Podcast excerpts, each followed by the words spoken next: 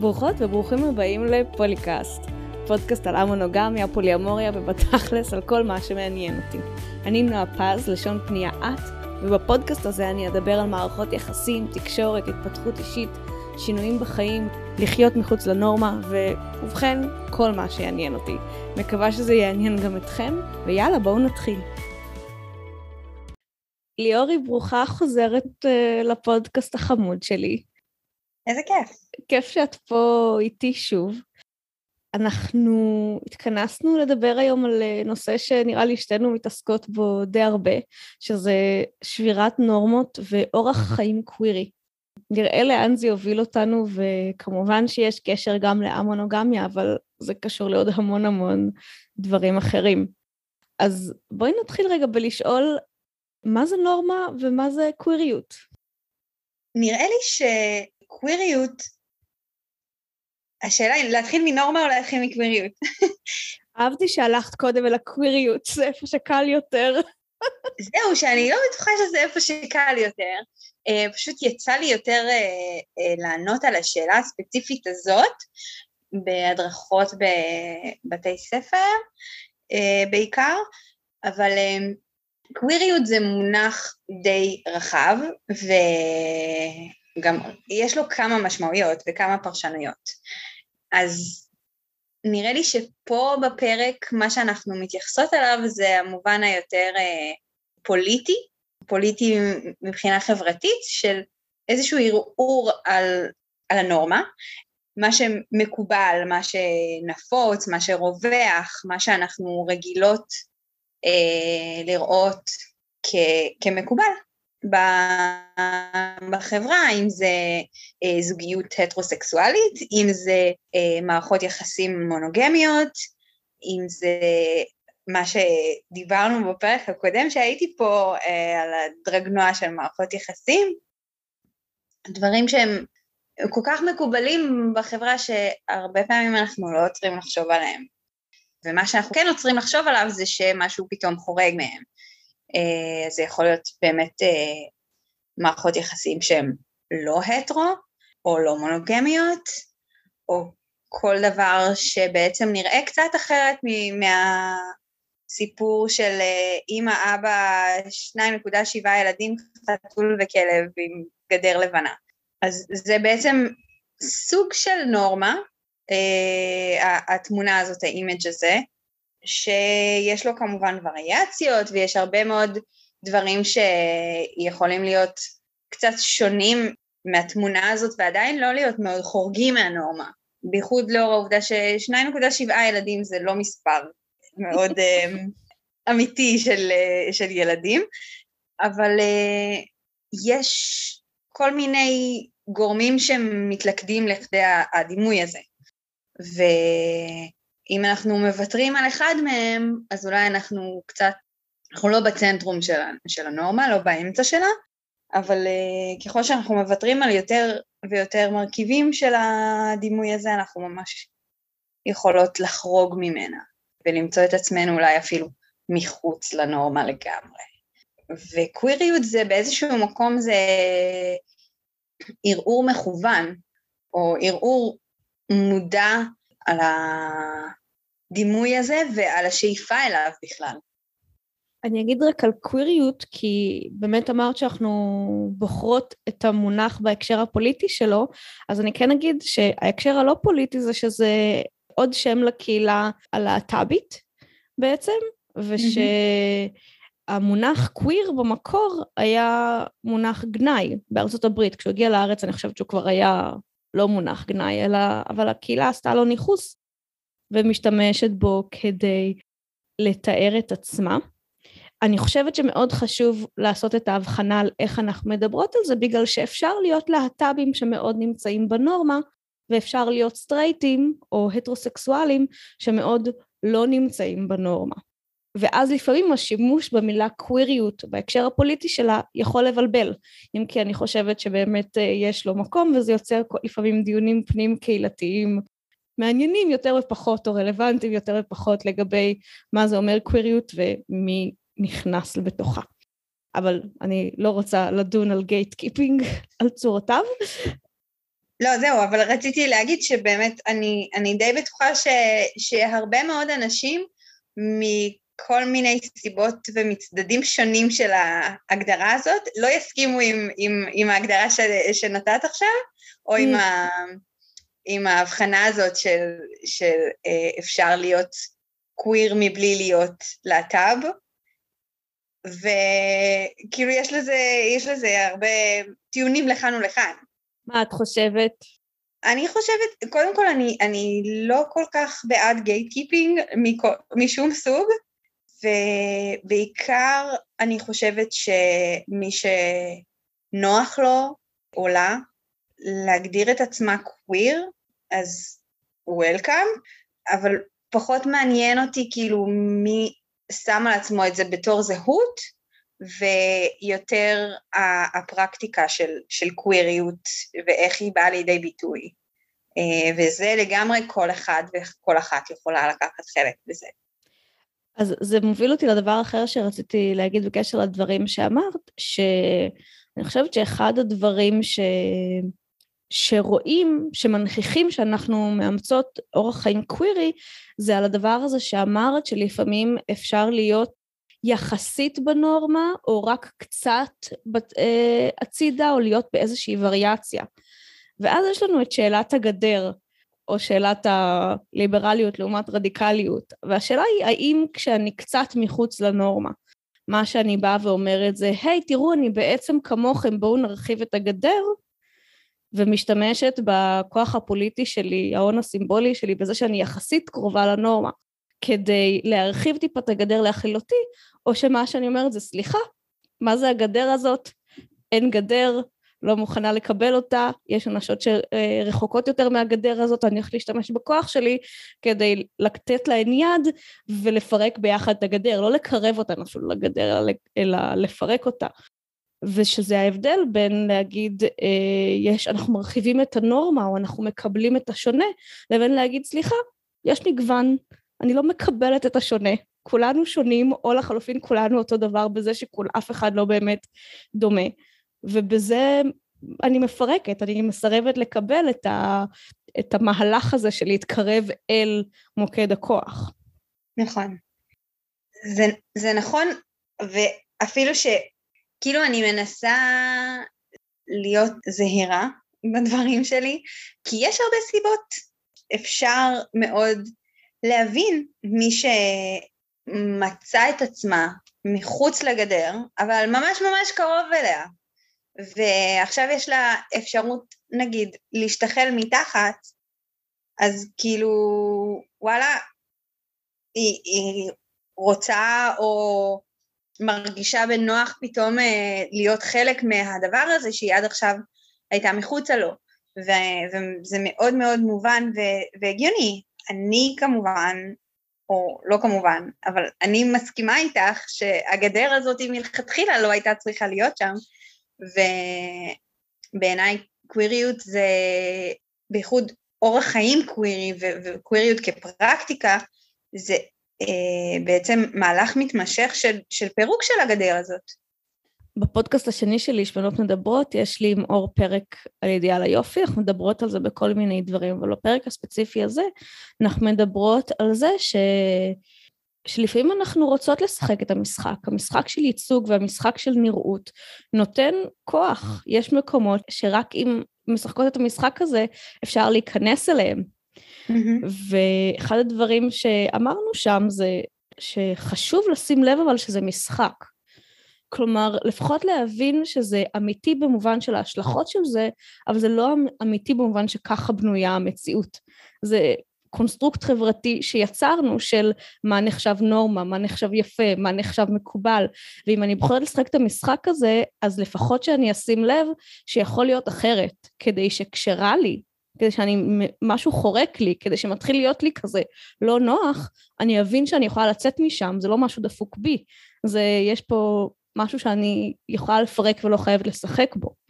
אני חושבת שאמרת פה שני דברים שונים, ואני מאוד מאוד מסכימה לגבי העניין עם המשחק וכן או לא לשתף פעולה איתו ואפשר להפסיק לשתף פעולה כשזה כבר לא מתאים.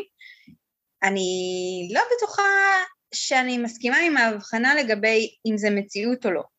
כי זה נכון שזה מבנה חברתי וזה משהו שאנחנו יצרנו, אבל מבנה חברתי זה דבר שהוא אמיתי וקיים. הכוונה שלי זה שלא, זה לא אינהרנטי הדבר היחיד שיכול להתרחש. כלומר, אפשר, אם אני מבינה את זה כמבנה חברתי, אני רואה, אני מבינה שאני יכולה לבנות משהו אחר, לפחות באופן תיאורטי. זאת uh, הכוונה בזה שזה לא מציאות לא, מוחלטת, נקרא לזה, או אונתולוגית.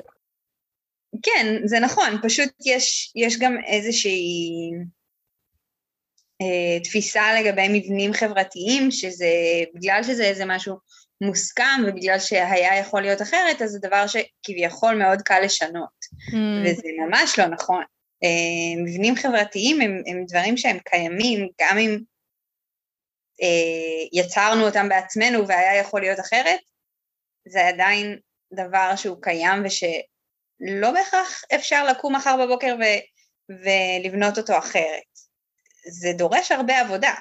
זה גם מוטמע בנו והופך להיות לעיתים חלק מהאישיות שלנו וחלק ממי שאנחנו ומאיך שאנחנו תופסות את המהות של עצמנו. כלומר, זה, זה שמשהו יכול להיות אחרת לא אומר שהוא לא נכנס לי למוח וקיים בכל מקום אליו אני מסתובבת ואני לא יכולה לצאת ממנו. נכון. ואני חושבת על זה הרבה בימים האחרונים, בעקבות זה שאני עושה בינג' וואצ'ינג לשירה, אה, נסיכת הכוח, כן, על, אה, על זה שאנחנו נכנסות. שאם אנחנו לא מכירות משהו חוץ ממה שאליו נולדנו, לפעמים גם כשיש לנו יד מושטת או אופציה לצאת מזה, אנחנו לא נבין שזה מה שאנחנו רואות, או נפחד, או לא נרצה ללכת בשביל הזה, כי זה פשוט לא מה שאנחנו מכירות. לגמרי. טוב, אז עשינו איזה פתיחה קלילה ביחס ל... קלילה. קלילה ביחס לנורמות וקוויריות. קלילה כמו הפרייט זון. כן, שאין שם מסיבות, אני לא מבינה. אני עוצרת רגע את הפרק כדי לספר לכם מה אני עושה בספטמבר 2023. כן, זה רלוונטי גם אם זה פרק ישן. אה, בחודש ספטמבר יתחיל האתגר אומרת כן לעצמי, המסע לרצונות שלי עובר דרך הלא לאחרים. מדובר בשלושה שבועות בהם נחקור את היחסים שלנו עם להגיד לא, להציב גבולות ולהגיד לעצמנו ולרצונות שלנו כן. אם את מישהי שקשה לה להגיד לא, לא עכשיו, לא ככה, זה האתגר בשבילך. אנחנו נחקור מה קשה ומפחיד בלהגיד לא, איך הקושי להגיד לא משפיע על החיים שלנו. אנחנו נאסוף כלים ואומץ לומר לא, ונתאמן על להגיד לא בנעימות. ומתוך הלא נחקור גם איפה הכן שלנו והרצונות שלנו. שלושה שבועות בתחילת ספטמבר, שישה לייבים, תרגילים ואימון לומר לא, תמיכה של קבוצה של נשים שעושה את אותו הדבר, קבוצת הפייסבוק על כל התכנים שבה תהיה פתוחה עד סוף אוקטובר, כך שיהיה זמן להשלים הכל, גם אם לא הספקת בלייב. אני אשים לינק בתיאור הפרק ואת מוזמנת לפנות אליי בכל שאלה. גברים ואבינריותים, אתם מוזמנים להפיץ לנשים בחייכן שצריכות כזה תהליך. ועכשיו חזרה לפרק. אז כשמדברות על לערער נורמות, אז הרבה פעמים זה נראה מהצד, או זה נראה לאנשים שאולי הם בתוך המיינסטרים, כאילו הרבה, הרבה אנשים רק מחפשים לעשות, לעשות דווקא, כאילו זה איזשהו מרד נעורים של אני מורדת כי אני רוצה למרוד וכי אני רוצה תשומת לב ואני רוצה ש... שיראו שעשיתי משהו ולא באמת אכפת לי מה. לא שאני חושבת שיש דבר בהכרח שלילי בלרצות תשומת לב, תשומת לב זה דבר חשוב וכולנו צריכות לקבל אה, את תשומת הלב במידה ש... שמתאימה לנו, אבל אני חושבת שבערעור על נורמות יש משהו שהוא מעבר. בערעור על נורמות יש משהו שהוא חשוב לראייה ביקורתית. זאת אומרת, נורמה הרבה פעמים, בייחוד כשהיא אה, לאורך זמן, או, או כשהיא שקופה לנו, אז היא נהיית סוג של דוגמה, של אנחנו כבר לא, לא מדברות עליה, מרוב שהיא נוכחת ו, וקיימת במבנים החברתיים, ואז לערער על זה זה בעצם להגיד, רגע, שנייה, למה הנורמה הזאת, מה שהכרחי, למה אני לא יכולה לעשות משהו שהוא אחר? אם אנחנו מדברות על מונוגמיה, אז כולנו גדלנו בחברה שהיא יחסית מונוגמית, ורגע, שנייה, זה לא, לא בהכרח מה שמתאים לכולם. אז, אז לערער על הנורמה זה לא אומר עכשיו כולם פוליומורים או כולם סולו פולי, אלא זה אומר, שנייה, הנורמה הזאת של מונוגמיה זה משהו שצריך לבדוק אותו מחדש. זה משהו שצריך לראות אם הוא בכלל מתאים לכולם, ואולי לא, אולי להרבה מאיתנו, אולי אפילו לרובנו, הוא לא מתאים, ובשביל לעשות את המהלך הזה צריך לערער על, על, על עצם הנורמה של מונוגמיה. אני חושבת שיש משהו בזה ש... שאחת הדרכים לעשות את זה היא פשוט לבחון מה השיפוטים או, או תפיסת העתיד שעולה לי אוטומטית כשאני חושבת על חלופות. איזה סיפור יש לי? ואז על מונוגמיה יש לנו את ה-happily ever after, ולא מתחתנת, אז ערירית לבד, אה, לבד בודדה משהו לא בסדר באישיות שלה. יש לנו, כל מה שאנחנו בודקים אופציות ומסלולים, אנחנו צריכים אה, לראות מה אנחנו חושבים שאנחנו יודעים על הבן אדם שחי את החיים האלה. ואחד הדברים שאנחנו. יכולים לשים אליהם לב זה שיש סיפור מאוד ברור שמקבל מלא מלא מחמאות. ומלא סיפורים, או מעט מאוד סיפורים אחרים שאנחנו מתחילים, אם אנחנו בכלל שומעים עליהם, יש עליהם המון לא מחמאות, אלא שיפוטים של משהו לא בסדר. וזו מיד דרך להבחין שרגע נתקלתי בו במשהו שהוא כאילו obvious, ובעצם מנסים אה, אוטומטית להסליל אותי למסלול ספציפי. שהוא ככל הנראה הנורמה. כן. איך, איך נראה סוף טוב קלאסי בסיפורים, בסדרות, בסרטים? זה ממש, בקומדיה הקלאסית זה כמעט ההגדרה של, ה, של המונח, שקומדיה צריכה להסתיים בחתונה. אחד הדברים שאומרים על איך יודעים שנכנסנו לנורמה זה שאם עשו עלינו קומדיה רומנטית גרועה. אז לראות זוג לסביות רק מחפשות חתונה, או זוג הומואים רק מחפשים את ה... איך שההורים יקבלו אותם ואז תהיה חתונה, זה כאילו וואו, הגענו למיינסטרים, איזה מדהים שזה קורה. כמובן יותר מסרט אחד, צריך שזה יקרה כמה פעמים. המקום של לבוא ולהגיד, שנייה, אני בכלל שואלת שאלה על הסוף הטוב הזה, אולי אני רוצה לסבית שיש לה חמש פרטנריות, והיא לא מתחתנת עם אף אחת מהן, אולי היא גם לא גרה עם אף אחת מהן, ועדיין טוב לה. ו- ולראות איזה סרט או איזה חיים אפשר ליצור עם מציאות כזאת. אני לא נכון. חושבת שהייתי מצליחה לג'נגל חמש פרטנריות, אבל uh, קטונתי, אפשר לדעת אף פעם. אבל זה... לך זה. כן. אה, my life is young. נכון. אני חושבת שכשרואות אנשות בוחרות במסלול שהוא לא המסלול הנורמטיבי, אז הרבה פעמים זה נראה באמת, כמו שאמרת, שאנחנו כזה סתם מורדות, שאין סיבה מאחורי זה, למה לעשות דווקא. ובאמת שחלק מהסיבה בכלל לחשוב שזה לא אני בוחנת את חיי ובוחרת את המסלול שמתאים לי מתוך סיפוק וחיבור פנימי ואושר, זה כי לא יכול להיות שהדברים האלה עושים טוב. אז אני בטח רוצה פשוט לעשות למישהי דווקא, אני במרד, לא יכול להיות שאני פשוט כזה בוחנת את החיים שלי ועושה מה שנעים לי. זה נכון, אבל אני, אני מנקודת מבט שלי, אני חושבת שקוויריות היא, דיברנו על זה שאנחנו מתייחסות על הקוויריות במובן הפוליטי, ואני חושבת שקוויריות היא, היא כן באיזשהו מקום כוללת גם לעשות דווקא. זאת אומרת, המקום שבו אני בוחרת משהו שהוא לא הנורמה, פשוט כי זה איזושהי בדיקה שעשיתי עם עצמי וזה מה שמתאים לי, אז כן, יש בזה איזשהו ערעור על הנורמה, אבל קוויריות מניחה שיש פה משהו מכוון גם, או לפחות חלקית.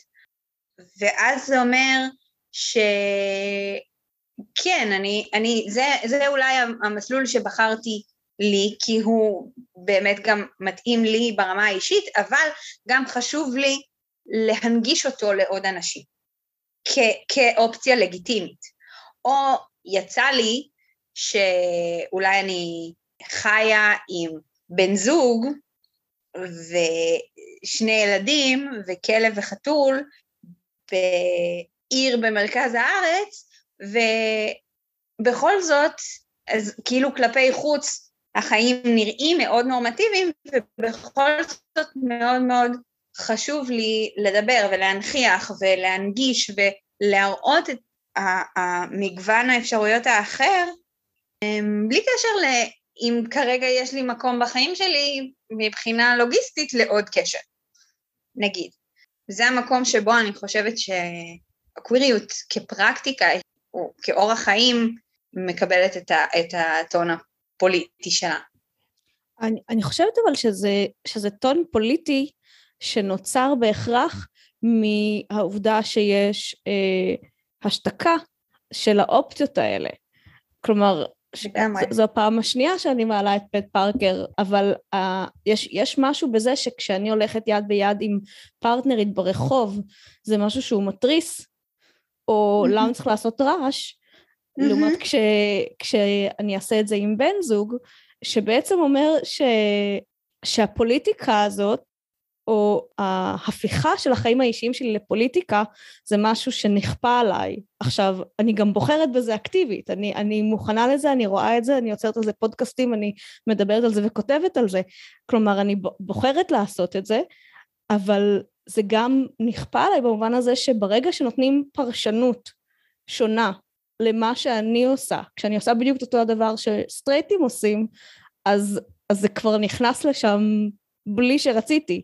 יהיו נכון. אנשים שיגידו, לא, אני חיה את החיים שלי, זה לא פוליטי בכלל, mm-hmm. זה, זה בסדר, מותר להם. אני חושבת שיש בזה אוטומטית משהו, רק בגלל המבט שמביטים בי, המבט החיצוני שנכפה עליי, והפרשנות שנכפית עליי. לגמרי. קודם כל, השיר הזה מעולה, ואני אשמח אם, אם כזה תעלי אותו בכישורים או איכשהו בזה בפרק, כי זה שיר נהדר של פט פארקר. וכן, זה לגמרי, זה לגמרי שם. חיים קווירים הם פוליטיים. אה, ללכת ברחוב יד ביד עם בת זוג, כשאת נתפסת כאישה בעצמך, לפחות לעיניים חיצוניות, זה דבר שהוא, שהוא פוליטי. אני אתן דוגמה רגע ברמה האישית. לפני כמה שבועות אה, יצא לי, אחרי די הרבה זמן שזה לא קרה, יש לי כרגע אה, שתי פרטנריות ופרטנר, וכלפי חוץ אני לגמרי עוברת כאישה. אה, ולפני כמה שבועות הלכתי ברחוב עם הפרטנר ועצרנו להתנשק, ואף אחד לא נעץ בנו מבטים. וזה היה לי, לי זו הייתה חוויה משונה וחריגה, כי אני כבר רגילה למבטים, כי אני כבר רגילה לזה שללכת ברחוב עם בת זוג, על אחת כמה וכמה לעצור ולהתנשק ברחוב עם בת זוג, זה דבר שהוא אה, תופס תשומת לב, שהוא מסובב ראשים. פתאום זה לא קרה. פתאום היה משהו חדש בחוויה הזאת, שהיא הכי, הכי על הנורמה, הכי בתוך הנורמה. אז כן, יש, יש משהו מאוד מאוד פוליטי גם בדברים הכי הכי קטנים ואישיים שלנו. ו... וכמו שאמרת, האפשרויות שלנו זה או להגיד, בסדר, זה אנשים אחרים משליכים עליי, אבל אני פשוט חיה את החיים שלי ואני מתעלמת מההיבטים הפוליטיים, ואני רק דואגת ש... שהגדר איכשהו תכלול גם אותי. ויש, ויש באמת אפשרות לקחת את זה על עצמך ולהגיד, אוקיי, יש פה, יש פה הזדמנות לעשות עם זה משהו, הזדמנות לשבור קצת עוד, עוד קלונסה אחת מהגדר, או משהו. אה, לערער אותה קצת, אולי להוציא אותה מהאדמה. אני לא יודעת, איזשהו דימוי אה, סביב הגדר לבחירתכן. ואני מאוד בעד זה.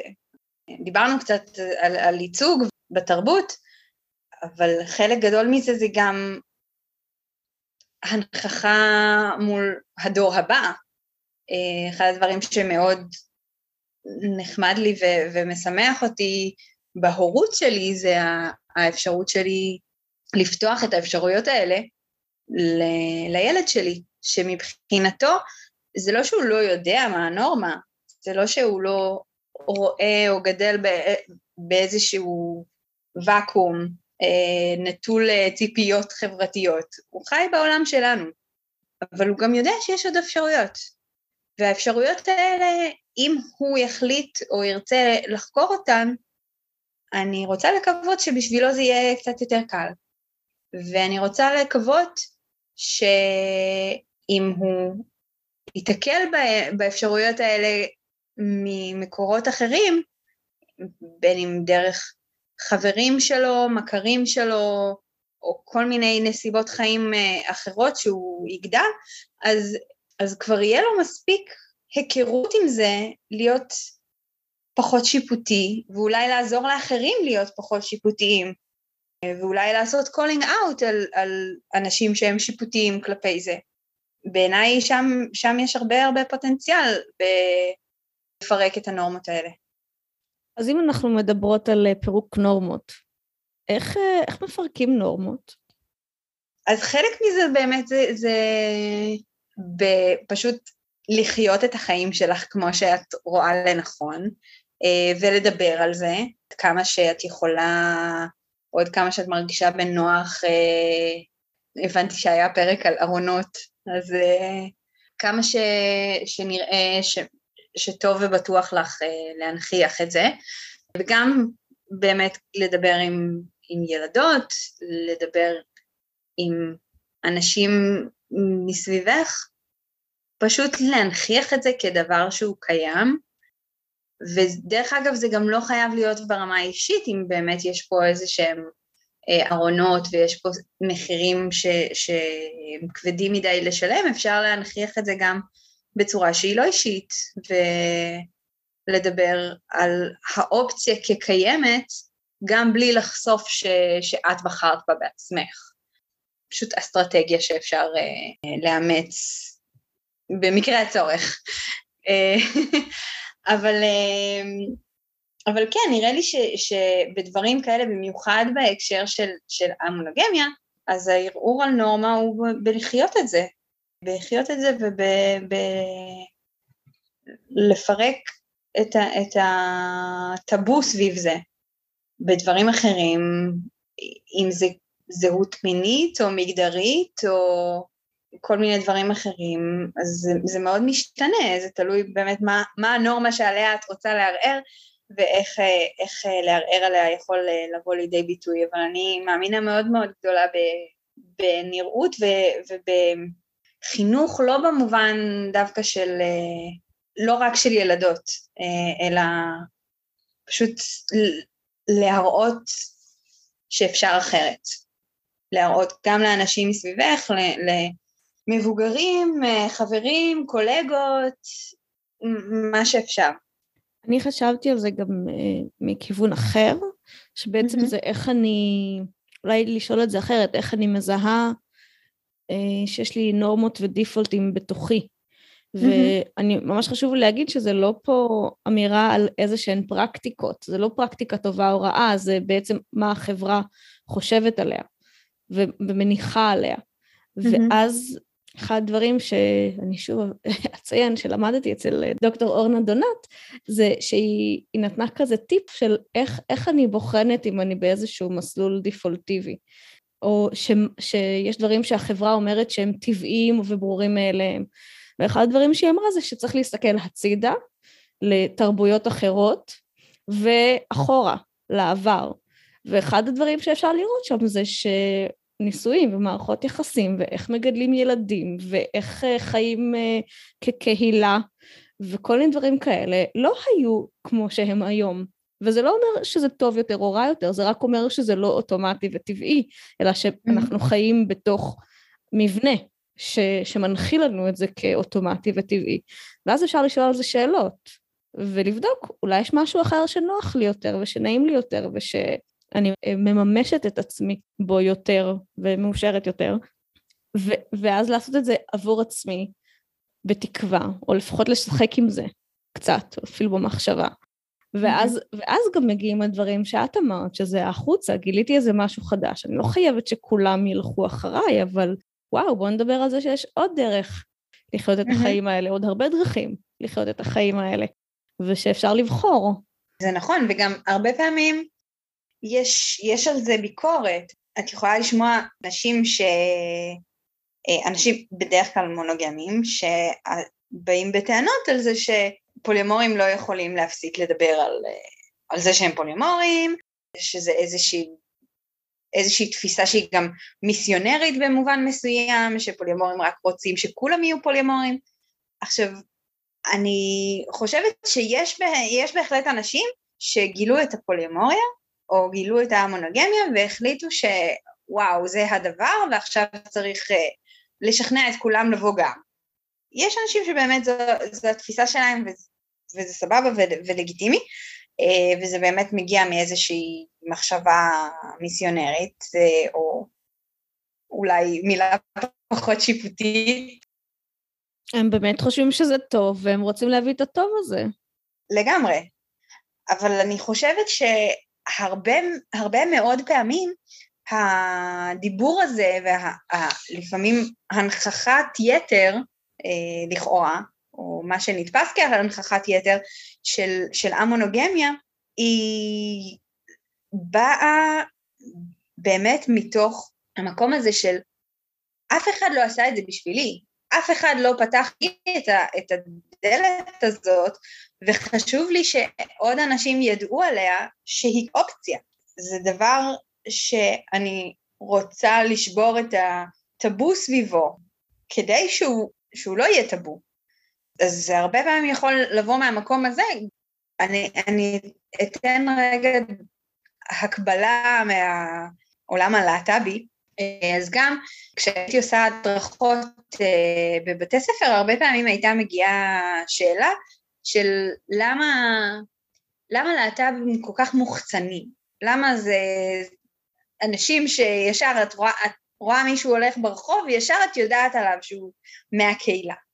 אז קודם כל אפשר לפרק את האמירה הזאת ויש כמובן אנשים ש, שיותר קל אה, לראות עליהם ואנשים ש, שממש לא, וגם אפשר לפרק את מה זה אומר על, על לראות עליהם הזה בכלל, אבל כן, יש גם עניין, בנוסף למה שאמרתי של להנכיח את, את האפשרות, יש גם עניין של אם הייתי בארון במשך זמן ממושך, ועכשיו אני כבר לא, אז הצטבר אצלי אה, הרבה, הרבה רגש, הרבה עיבוד של דברים, כל מיני דברים ש, שהיה לי חשוב להוציא החוצה, ועכשיו הם יוצאים באיזה מין פרץ כזה שאני כבר כמעט לא יכולה לשלוט עליו, ואז אני אראה כמו הנכחת יתר. ואז השאלה גם מה, איפה, איפה הנזק ומה כל כך נורא בהנכחת יתר הזאת, ויותר מזה, כמה מהר ההנכחה של משהו שחורג מהנורמה נתפס לנו כיתר, כשהנורמה שנוכחת כל הזמן, בכל מקום, היא כל כך שקופה לנו שאנחנו בכלל לא רואות כמה היא נוכחת בכל דבר, והיא בעצם זאת שנמצאת בהנכחת יתר. כן, זה, זה אחד הדברים שבאמת רציתי להוסיף למה שאמרת, של אני לא יודעת מה זה יתר, אבל בוא נגיד שאם ההנחה היא שיתר זה מעל 50% מהנושאי שיחה שלי, או מעל מ-50% מהמשפטים שלי, או משהו כזה, אז אם, כשזה משהו חורג, יכול להיות שזה בכלל לא מה שקורה, יכול להיות שזה פשוט התפיסה של מי שמקשיבים לי, שזה מזכיר את המחקר הזה שעשו על uh, כמה נשים מדברות בכיתה, וראו שכשגברים אמרו שנשים דיברו יותר מגברים, uh, בעצם התברר שהם דיברו 30 אחוז מהזמן. כלומר, ברגע שנשים מדברות 30 אחוז מהזמן, זה נתפס כאילו הן מדברות יותר מהסטודנטים. יש משהו בזה שזה בדיוק מה שאמרת, שאני מביאה ואני פשוט מדברת על הנורמה, מה עשיתי בסופה שהייתי עם שני הפרטנריות שלי ביחד בים. זה רק אני מספרת מה עשיתי בסופש, אבל מאחר ואני לא נשואה עם בעל והייתי עם הילד שלי ואיתו בים, אז פתאום זה כזה, וואו, איזו הנכחה מטורפת, אני מדברת על זה יותר מדי. זה לא בהכרח מה שקורה, זה ממש התפיסה של מי שמקשיב. כן, וזה בדיוק מחזיר אותנו שוב לאותו שיר של פט פארקר, של להגיד, לדבר עם הקולגה בעבודה על אה, ההיריון של הבת שלה, על החתונה של הגיסה, זה הכל מאוד מאוד נורמטיבי ולא מדבר, לא, זה לא איזושהי מיסיונריות מונוגמית, אבל כן להגיד משהו שהוא טיפה חורג מזה, זה כבר נתפס חברתית כ... אה, אוקיי, אז למה את מדברת על להט"ביות כל הזמן? למה את מדברת על המונוגמיה כל הזמן? למה את מדברת על BDSM כל הזמן? כאילו, ברגע שאת מעלה משהו שהוא המסומן, שהוא לא הנורמטיבי, אז, אז זה מסומן, ודואגים לה, להראות לך או לגרום לך להרגיש ש, שזה מסומן. ואז כדאי גם להגיד שאם אני מסומנת רק בדבר אחד, למשל, יש, אני לסבית או אני לא לסבית אבל נשואה לאישה, ויש, אבל יש לי ילד, אנחנו גרים בתל אביב ועובדות uh, בהייטק, וכל החיים שלנו נראים בדיוק כמו הנורמה, אבל לסבית, אז אני אדבר על המסומן יחסית מעט. אם אני גם uh, להט"בית וגם המונוגמית וגם BDSMית וגם uh, כל מיני דברים אחרים, וכל אחד מזה זה חלק בחיים שלי שאני פשוט מזכירה פעם, פעמיים ביום, כפי שקורה, פתאום אני מדברת על החריגות שלי כל הזמן. אז ככל שאני יותר מחוץ לנורמה, לכאורה אני מנכיחה, שזה אומר חיה את חיי, את החריגות שלי. כן. מה שהופך את זה ללא קל. לפעמים, תלוי איך מקבלים את זה. זה נכון, זה לא קל. זהו, זה מאוד, מאוד תלוי, וגם תלוי איך, איך את רואה את זה, ואם זה משהו שמבחינתך הוא איזשהו באמת כזה, הנה עוד מקום שבו אני חריגה ועוד מקום, אבל יש פה גם הזדמנות להנכיח באמת את הדברים האלה, וזה שאנשים רואים את זה כ, כהנכחת יתר, אוקיי, בסדר, זה, אז זה עניין של, של החלטה ושל שיקול דעת, ובעצם שיווי משקל של כמה חשוב לך להנכיח את הדברים האלה וכמה, אה, מה המחיר שאת מוכנה לשלם על זה. כן, אבל אני חושבת שכן חשוב לשים פה דגש על זה שלפעמים זה לא עניין של רוצה או לא רוצה, זה פשוט הסיטואציה, זה איך mm-hmm. שאני נראית בעולם, ואז אין לי פה בחירה. כלומר, היכולת לבחור היא לפעמים קיימת ולפעמים היא לא קיימת. ואז יכול להיות שאני אקבל תגובות דווקא במקום שבו היום אין לי סבלנות, בדרך כלל בא לי לעשות הסברה, והיום אין לי סבלנות, בדרך כלל בא לי להפגין ולהנכיח, והיום אני כזה פשוט רוצה לחיות את חיי, אבל אף אחד לא שואל אותי, כי mm-hmm. הנראות שלי מוחרגת והתגובות באות בהתאם. נכון. יש דברים שבהם הנורמה דווקא סבבה, נחמד לשמר אותה, טוב שהיא קיימת? אני מניחה שכן, כאילו אני חושבת שכן. יש כל מיני סוגים של נורמות. נורמה בפני עצמה היא לא דבר שהוא בהכרח שלילי. העניין עם נורמה זה שהיא באמת נוטה להתקבע, וצריך בעיניי אה, לשאול את עצמנו מתי היא מתאימה ומתי היא כבר לא. ואם אני בודקת כל מיני אפשרויות ומגיעה למסקנה שבמקרה הספציפי הזה הנורמה הזאת היא מתאימה לי, או אפילו במקרה הספציפי הזה הנורמה הזאת היא נכונה בעיניי ולא כדאי לערער עליה, אז אני לא חייבת לערער על כל נורמה באשר היא, אבל, אה, אבל אני כן חושבת ש, שכל נורמה כדאי להסתכל עליה בביקורתיות, וזה לא דבר שפשוט לעשות. זה גם לא דבר ש, שכל אחד מאיתנו יכול לעשות ב, בכל רגע נתון. יש המון נורמות שאנחנו חיות בתוכן. יש נורמות שהרבה יותר קשה לערער עליהן, כי הן מובנות במערכת הכלכלית שלנו. או הן מובנות במערכת המדינית שלנו. יש דברים שבאמת יש איזושהי בעיה חוקית או לוגיסטית לערער עליהם. אה, אבל אני כן חושבת שלפחות ברמה המחשבתית, לפחות ברמה הביקורתית, אה, כדאי לנו לעצור ולשאול את עצמנו מתי משהו מתאים לנו ומתי משהו כדאי שנפרק אותו ושנייצר משהו אחר. והמשהו אחר זה לא חייב להיות נורמה חלופית, הרבה פעמים זה פשוט שלא לא תהיה נורמה, שהנורמה תהיה מגוון. אני חושבת שאחד הדברים אה, לשים אליהם לב זה באמת הבחירה וההחלטה המודעת. כלומר, שמתי לב שנוצר לי פה איזה הרגל או דיפולט, או שהסלילו אותי אל עבר משהו. ועכשיו אני שנייה שואלת על זה שאלות, ובוחנת אם מתאים לי או לא, והרבה פעמים יכול להיות שאני אסתכל על זה, אחשוב שהאפשרויות האחרות הן לגיטימיות, ואיזה יופי שאחרים חיים אותן, ולי הן לא מתאימות. ומה שהסלילו אותי אליו, ומה שתמיד לימדו אותי לעשות, דווקא כן מתאים לי. ואז זה נפלא, להגיע לתוך משהו מתוך מודעות, גם אם זה הדבר המקובל חברתית, זה אחלה. כי א', זה אומר שאני עשיתי את העבודה כדי לא לשפוט אחרים. ב', זה אומר שאולי יבוא משהו חדש, יבוא משהו שונה, אולי אני אשתנה, אולי לא, אני לפחות אהיה פתוחה ללשים לזה לב, במקום להתקבע לזה שבגיל 20 בחרתי משהו ועכשיו אני איתו לנצח עד גיל 70, 80, 90. כלומר, יש, אני חושבת שהבחינה הזאת היא גם מה שמאפשרת לי גמישות אה, מחשבתית לאפשר לי להשתנות בלי לחשוב שמשהו בי לא בסדר על זה שהשתניתי. אני כן רוצה להגיד שלהשתנות בגיל 90 זה גם סבבה. על הנצח, כל יום משהו אחר. הבה נשתנה. מה מאבדים כשלא הולכים בתלם? יש מחירים.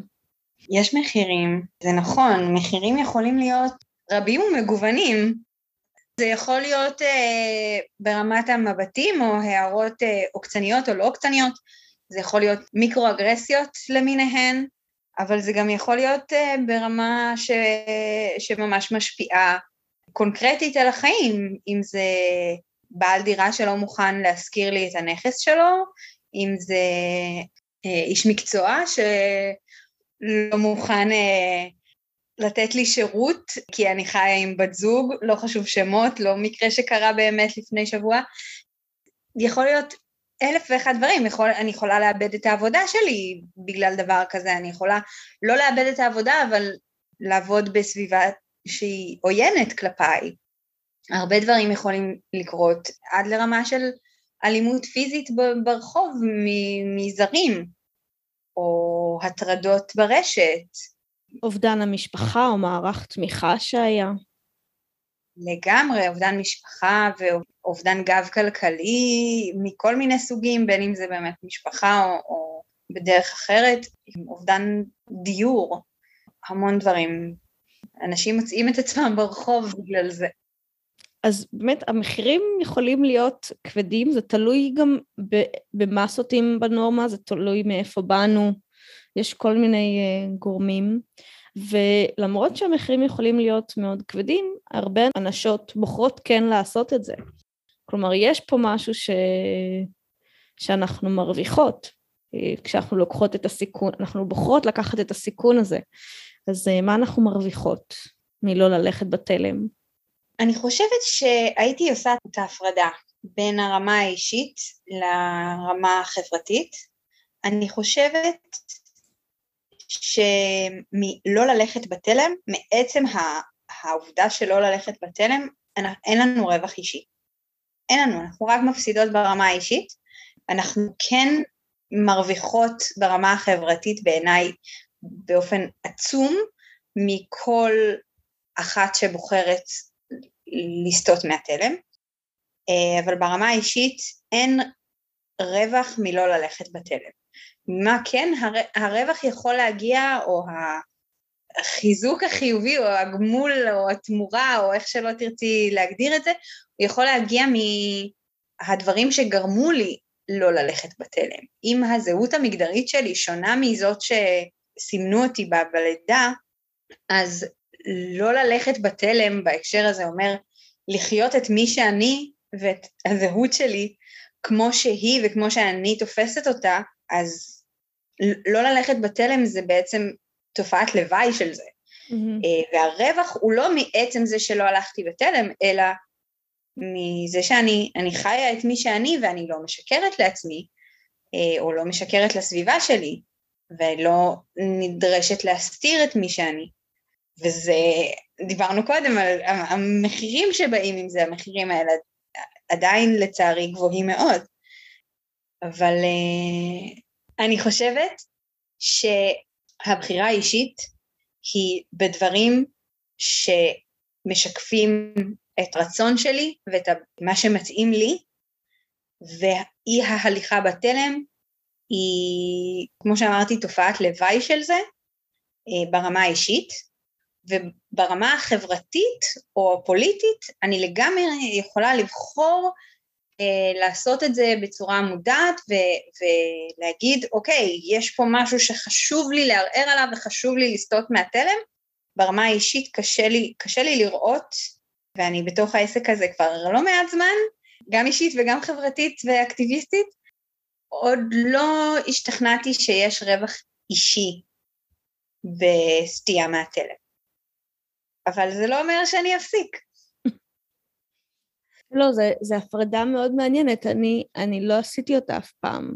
כלומר, מבחינתי, דרך שאני חושבת עליה, זה שווה ללכת, לא ללכת בתלם, כי זה משקף את מי שאני, אבל זה לא הלא ללכת בתלם. מי שאני, מי שאני זה לא מה שבנורמה, וכדי להיות מחוברת לעצמי ובטוב, אני נאלצת לעשות uh, את הבחירה הזאת.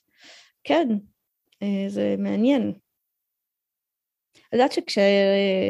כשאנחנו מדברות על, על שמונופוביה ועל ה, על איך שאני מזדהה כאישה שמנה, שם זה נורא ברור לי. אני לא חושבת שבעולם שבו צורות גוף שונות היו מקובלות באותה מידה, היה לי אה, צורך לעשות, לדבר על האופן בו מפלים.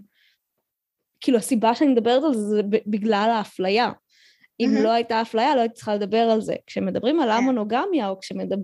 אז, אז השיח הוא לא רק, הוא אפילו לא בעיקר על אפליה, הוא על התמודדויות.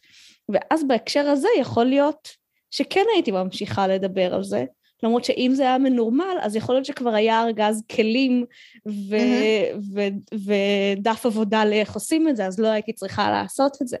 אז זה ממש מעניין, המקומות האלה שבהם האופנים שבהם אני לא בנורמה ולא הולכת בתלם, הם שונים מבחינת האם אני, מאיפה מגיע המקום של האקטיביזם שלי.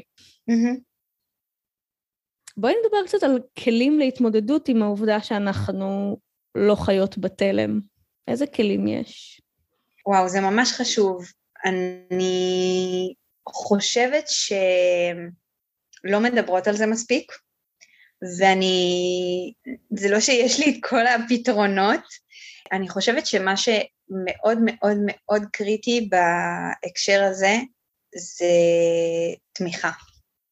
וזה עוד אנשות שעוברות דברים דומים, או שמכירות על מה את מדברת, שיודעות מה זה לספוג מיקרואגרסיות, אה, שלא יעשו לך גז לייטינג על זה שאה, זה שטויות. ולפרק את הדברים האלה ביחד, ולהתמודד עם זה ביחד, לתת גיבוי אחת לשנייה. כנראה אם היינו מדברות על זה לפני שנתיים, הייתי אומרת איזושהי תחושת קהילתיות, אבל מה זה תחושת קהילתיות בעידן 2022 אה, אחרי שנתיים של קורונה? אני לא, לא יודעת אם יש דבר כזה בכלל, אבל כן, אה, אה, עוד אנשות ו- וסביבה תומכת זה דבר שהוא יכול אה, להציל חיים ליטרלי בהקשר של כל סטייה מהנורמה, וזה דבר שהוא ממש ממש חשוב. אם יש עוד כלים להתמודדות, אני אשמח לדעת גם. זה מאוד שוחק. זהו, אני אומרת, אני אומרת כלים ואני כזה, אין לי באמת משהו פיזי לתת, והדבר היחיד שאני, אין לי משהו פיזי, הדבר היחיד שאני יכולה לחשוב זה לקרוא על זה עוד, לעשות לזה נורמליזציה, להבין, ל, להבין את הכוחות שפועלים עליי, שמנסים לדחוף אותי חזרה לנורמה, ואיך הם פועלים, כי יש להם המון דרכים לפעול, לפעמים לפי mm-hmm. פעולה, לפי, לפעמים באי פעולה, לפעמים בזה שמשהו קורה לי, לפעמים בזה שמשהו נלקח ממני, כלומר יש המון דרכים שבהם אה, אפשר לסמן אותי כלא בסדר ולהקשות עליי, וחלק ממה שעוזר זה, זה לשים זרקור שם. אז, אז אני חושבת שזה קריטי, שזה חלק ממה שזה אומר זה שעד כמה שזה, לא יודעת, אולי קלישאתי, אבל ללמוד תיאוריה, לקרוא אנשים שמדברים על זה והיו שם ועשו את הפירוק לא רק ברמת התמיכה, ברמת ה... הנה הצעדים שקרו, הנה בואי אני אראה לך מה בעצם היו המשמעויות של מה שקרה כאן. שאני חושבת ש... שהן חשובות, אני יודעת שב... אני פחות הרגשתי את זה, אני חושבת, בביסקסואליות ובאמונוגמיה, אבל בש... בכל הקטע של אה, להיות אישה שמנה בעולם זה היה קריטי, קריטי להבין שזה דברים שיש עליהם תיאוריות כזה שמפרקות את ומראות לי מה קורה, כדי שאני אבין שזה לא אני, זה העולם ביחס אליי. אני מסכימה מאוד, אני, אני חושבת פשוט שהם זה לא, זה לא תחליף, כאילו זה, זה חייב להיות גם וגם. כן, לגמרי. כן, והשאלה והש, מה זאת תמיכה, נראה לי אני באה לעשות על זה פרק, כי אין לי, אין לי תשובה. Mm-hmm. אין לי תשובה, המילה קהילה היא מילה שאני מסכימה איתה, אבל, אבל כשקהילה מתפרקת ברגע, ש, ברגע שיש ריבים, ברגע שיש פירוקים, ברגע ש... כי צריך לדעת איך להחזיק דבר כזה, מה זה בכלל אומר? נכון, גם ברגע שיש כאילו סגרים אחד אחרי השני והכל מתמסמס. זה, זה גם, באמת, זה, השנתיים האחרונות הם השפיעו משמעותית על, על, על החיים האישיים והחברתיים שלי ושל הרבה מאוד מהאנשים סביבי. אני חושבת שזה משהו לשים אליו לב, שכשמדברות על לא ללכת בתלם, אז אוטומטית יש פחות מאיתנו. ואולי יש לנו פחות ידיעה איך ליצור קשר אחת עם השנייה. בעידן האינטרנט זה קצת פחות אה, רלוונטי, אבל צריך לדעת מה אנחנו ומה השם של מה שאנחנו כדי למצוא את הקהילה שבה נמצא את התמיכה כדי להבין טוב יותר את מה שקורה. וכשיש מעט, אז, אז זה קשה יותר. אז חלק מלהיות לא בתלם או לא בנורמה, זה שאנחנו פחות מאיתנו ויש פחות שיח עלינו, אז יותר קשה לנו להבין ולמצוא את הדברים האלה. נכון, וגם גם אם אנחנו רוצות, ו- וזה ממש מקום שהייתי בו, גם אם אנחנו רוצות לקבל תמיכה מחברות שהן כן בנורמה, שהן לא חולקות איתנו את החריגות הזאת, אז זה לא דבר שהוא בהכרח אה, אה, שלילי, רק שצריך לקחת בחשבון שהרבה פעמים ההבנה וההזדהות והתמיכה היא, היא מוגבלת. כי למי ש, שלא חווה את זה, הרבה פעמים זה יכול להיתפס כקטנוניות, כהגזמה, ולקבל תמיכה כש, כשהצד השני לא באמת רואה מה הבעיה, זה, זה, לא, זה לא, לא התמיכה ש, שאנחנו צריכות ולא מה שיעזור לנו לעבור את זה בפעם הבאה. ליאורי, בואי נסיים בנימה אופטימית. יאללה. יאללה. אז נראה לי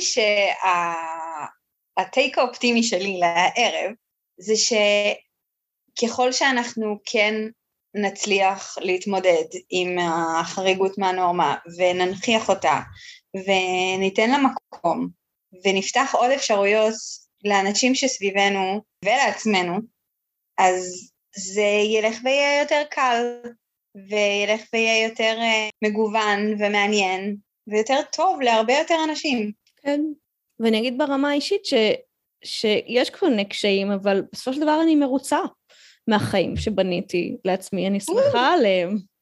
כמו, כי יש פה בחירה אקטיבית, יש פה מרחב לשינוי. כמה אנשים. יכולים להגיד את זה? זה? זה בדיוק העניין, נכון? אני מקווה שהרבה, אבל זה ממש...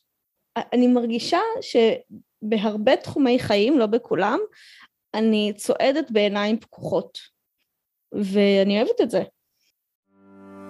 תודה שהייתן והייתם איתי בפרק. מוזמנות להמשיך איתי את השיחה בקבוצה של הפודקאסט פוליקאסט, בדף שלי נועה פז, או באימייל שלי נועה פי פודקאסט את gmail.com. נתראה בפרק הבא.